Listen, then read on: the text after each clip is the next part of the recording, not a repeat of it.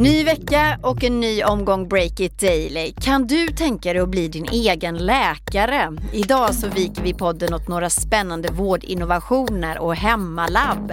Och så tar vi upp ett glänsande medtech-företag som totalkraschade.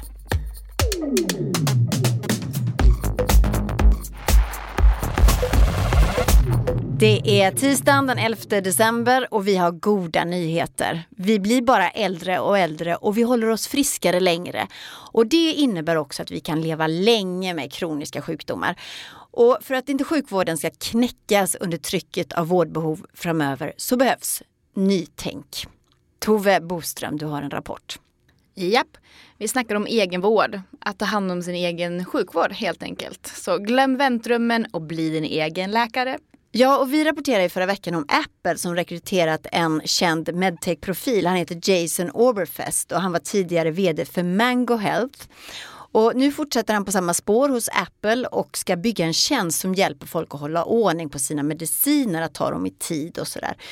Eh, och det ska inte behövas någon läkare som påminner om det här utan det ska en app kunna göra. Och det finns ju liknande tjänster på andra ställen men nu ger sig en jätte som Apple in på det här området. Tove, sluta och ät sån här Vicks nu då. Förlåt, jag har faktiskt lite ont i halsen och det är helt sant.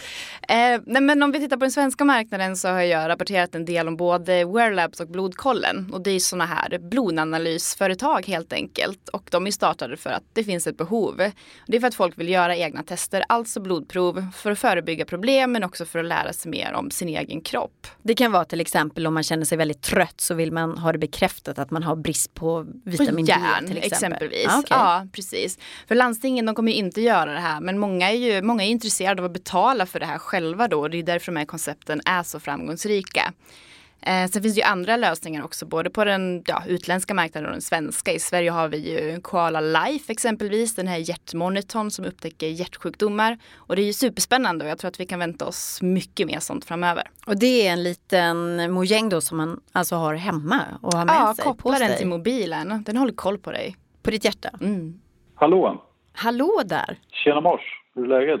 Det här är Anders Ekholm. Han är VD för Institutet för framtidsstudier och hans jobb är att läsa forskningsrapporter hela dagarna för att sedan kunna göra smarta analyser. Till exempel om vad som kommer hända på just hälsoområdet.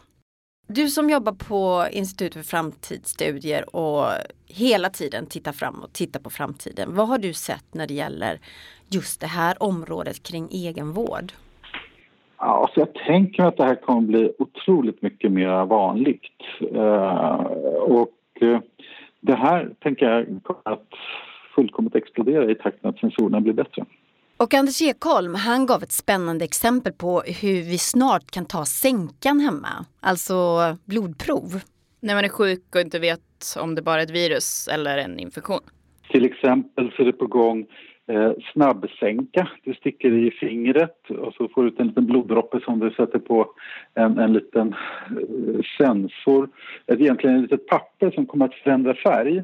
Så fotar du det här pappret med din smartphone och så via kameran då så avgör man huruvida du har en pågående infektion i kroppen eller inte utifrån färganalys som kameran gör. Så att du använder dina vanliga verktyg som du alltid går att dras med Eh, Eh, för att göra den här typen av analyser. Ett annat exempel som Anders Ekholm gav mig när vi pratade handlar om tarmproblem. Sjukdomar som ulcerös kolit, en tarmsjukdom som ger skov som är ganska besvärliga.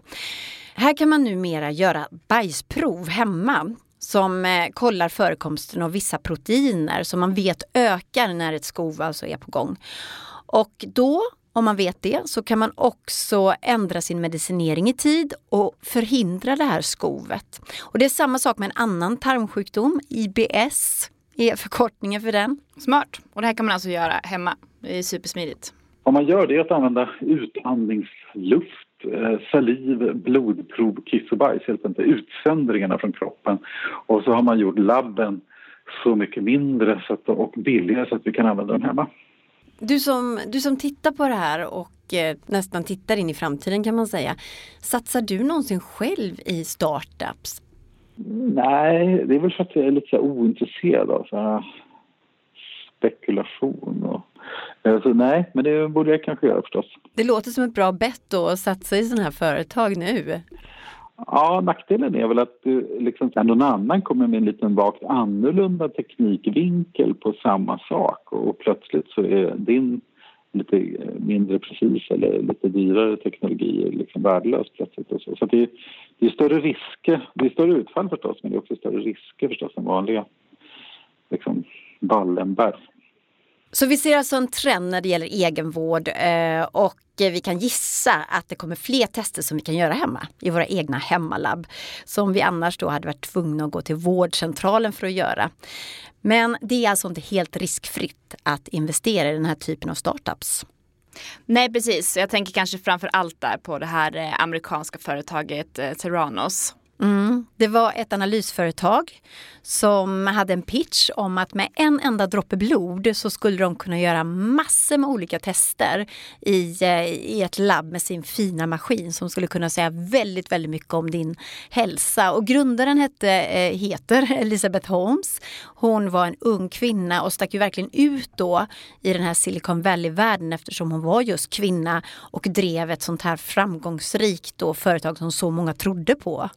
Och det här lät ju verkligen som en, en framgångssaga och investerarna de älskade ju det här och de pumpade in massa pengar och bolaget värderades till miljarder. Men det var ju ett problem här då och det var ju att tekniken inte fungerade. Att bolaget helt enkelt inte, inte höll vad de lovade.